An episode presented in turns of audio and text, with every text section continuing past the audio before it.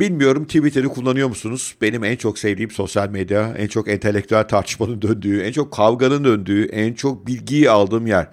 Ve Elon Musk Twitter'ı satın aldığından beri orada çok şeyler değişti. Ve en çok korktuğumuz şeylerden bir tanesi de acaba Twitter batar mı? Twitter'ın batmasına hem Twitter kullanıcısı olarak çok üzülürüm hem de tabii ki Twitter'ın batmasını engellemek için Elon Musk Tesla'da hisse satmak zorunda kalabilir. Ondan üzülürüm.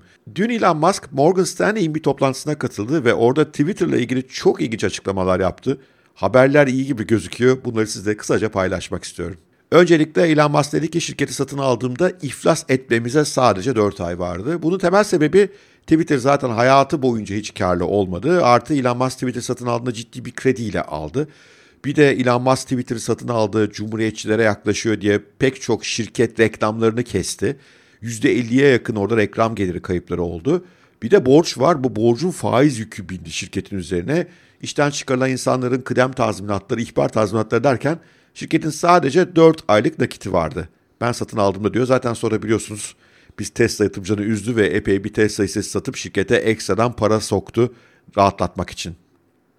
Bugün geldiğimiz noktada ise Twitter karlı. EBITDA karı yani FAVÖK karı. Ne demek FAVÖK? Faiz yok içerisinde, vergiler yok, amortisman yok. Yani tam bildiğimiz anlamda karlılık değil. Üstelik Twitter'a baktığımızda borç yükü yüksek olduğu için faiz de bir hali yüksek.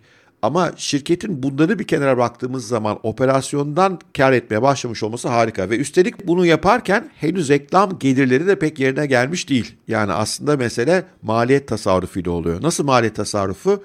Çalışan sayısı 8 bin kişiden 2 bin kişiye indirilmiş durumda. Tarihteki en enteresan işten çıkarılma operasyonlarından bir tanesi. Tabii işten çıkarılmak korkunç bir şey ama bir yandan da insan şunu sorguluyor. Şirket o zamanlar 8 bin kişide yaptığı işi bugün nasıl 2 bin kişide yapabiliyor? Nasıl bir verimsizlik vardı? Zaten bu Silikon Vadisi'nin artık çok tartışılan bir şey. Teknoloji şirketlerinde aşırı insan çalıştığı, bunlardan çok daha azıyla gidilebileceği. Bugün mesela Meta'nın yani Facebook'un yeni bir duyurusu gelecek ciddi bir eleman çıkartma var gibi gözüküyor. İkinci iyi haber EBITDA veya FAVÖ karlılığı dışında ki bu tip karlılıklar benim için hep biraz kağıt üstü mesele. Esas önemli olan nakit akışıdır. Şirketin ikinci çeyrekte, bu yıl ikinci çeyrekte pozitif nakit akışına geçebileceğini söylüyor. Yani ne demek? Şirket ilk defa tarihinde harcadığından daha fazla parayı içeri sokabilecek. Bu arada tarihinde ilk kez hakikaten çünkü Twitter ya nakit akış negatifti ya nötrdü. Pozitife geçeceğiz diyor ve sadece 3 ay kalmış. Bu tabii çok sevindirici bir haber. Biz Tesla'cılar için de sevindirici bir haber. Bu durumda Elon Musk'ın daha fazla paraya ihtiyacı olmayacaktır. EBITDA karlısı ve bir yandan da nakit pozitifse de borçlarını da ödeyebilen bir şirket haline gelecektir. Nakit akışında ve karlılıktaki iyileşmenin ikinci sebebi de Twitter'ın artık veri hizmetlerine daha az para harcıyor olması. Bu konuda Amazon Web Services çalışıyorlar. Eskiden 3 veri merkezi ayarlanırken şimdi bunu 2'ye indirmişler. Ve bir yandan da kullanıcı sayısını da artırıyorlar. Yani daha az veri merkezi hizmetiyle daha fazla kullanıcıya hizmet verebiliyorlar. Burada Elon Musk ve ekibinin Twitter'da teknoloji anlamında da verimliği artacak önemli şeyler yaptığı kesin. Bu arada Elon Musk Twitter'ın yazılımından da epey şikayetçi. Biliyorsunuz iki gün önce yanılmıyorsam Twitter'a yine video ve fotoğraf yüklenemiyordu. Bu tip hatalara çok canı sıkılıyor. Diyor ki kod o kadar karışık ki yazılım. En ufak bir yerde bir değişiklik yapınca her şey birden bozuluyor. Muhtemelen bütün yazılımı baştan yazacağız eninde sonunda diyor. Böyle bir enteresan gelişme de var.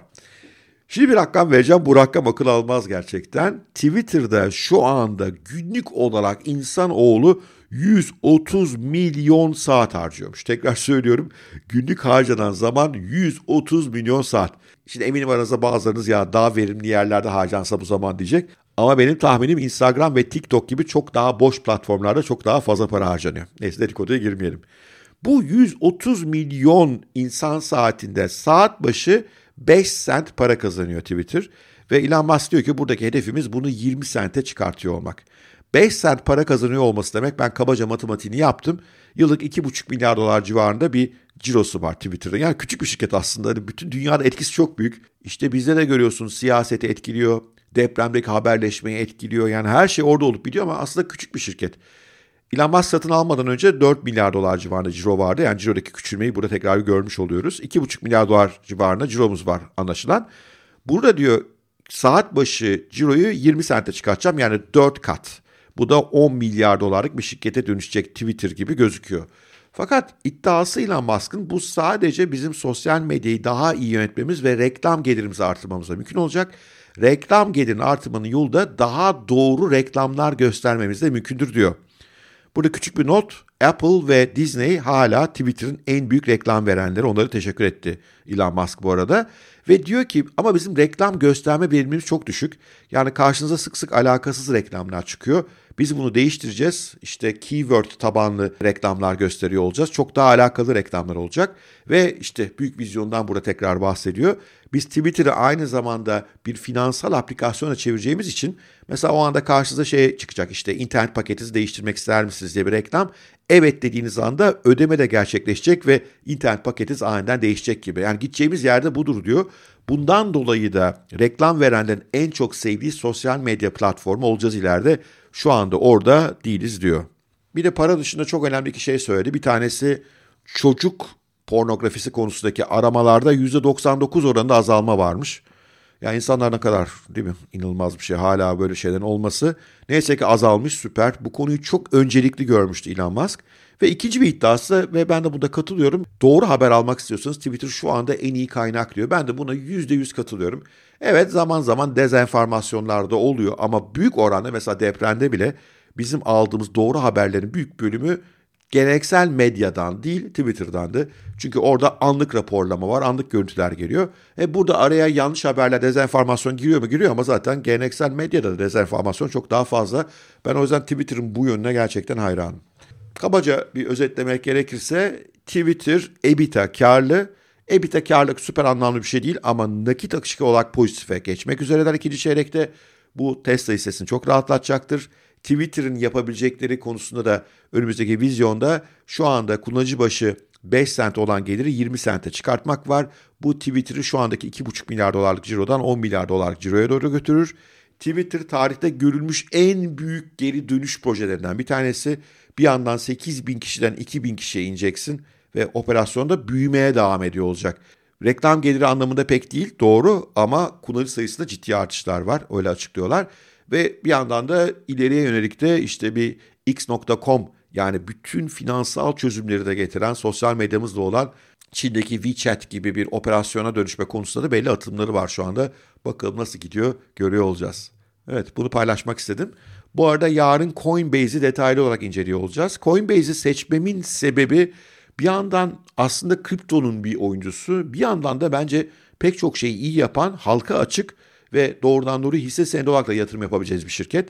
Hatta benim inancım mesela kriptolarda altcoin'lere falan yatırım yapmak yerine Coinbase daha iyi bir fikir olabilir. Yatırım tavsiyesi olarak söylemiyorum bunu sadece en azından denetlenen bir kuruluş. Ve bir yandan da işte FTX rezaletini biliyorsunuz Binance'in başında bir sürü dertler var. Onlara karşı denetlenen şeffaf Amerika'da SPK'ya tabi bir şirketten bahsediyoruz. Bu yönleri ben çok ilginç buluyorum Coinbase'i. Bu arada Coinbase'in CEO'su Brian Armstrong'u da çok vizyoner buluyorum. Şu anda merkezi bir pazardan merkeziyetsiz bir pazara doğru Coinbase'i taşımak konusunda çok ilginç projeler yapıyorlar. İşte yarın bütün bunları ele alacağız ve Coinbase'e bir yatırımcı gözüyle bakmaya çalışacağız. Coinbase'e bakış aynı zamanda kripto pazarının geleceğine bir bakış olacak. Ama o videoyu izlemek istiyorsanız aşağıdaki katıl tuşuna basmanız gerekiyor. Hemen gelin katılın. Her hafta bir teknoloji hissesini çok detaylı inceliyoruz. Her hafta pazar günü haftaya bakış adı altında başka yerlerde pek bulamayacağınız bir piyasa analizi yapıyoruz. Onun dışında zaman zaman canlı toplantılar da oluyor. Bir de bütün içerikleri reklamsız da izleyebiliyorsunuz. Bütün bunlar ayda sadece 350 lira. Gelin deneyin. Hoşunuza gitmezse istediğiniz yerde çıkarsınız. Sevgiyle kalın, hoşça kalın. Soru ve yorumlarınız varsa aşağıya bekliyorum mutlaka. Görüşmek üzere.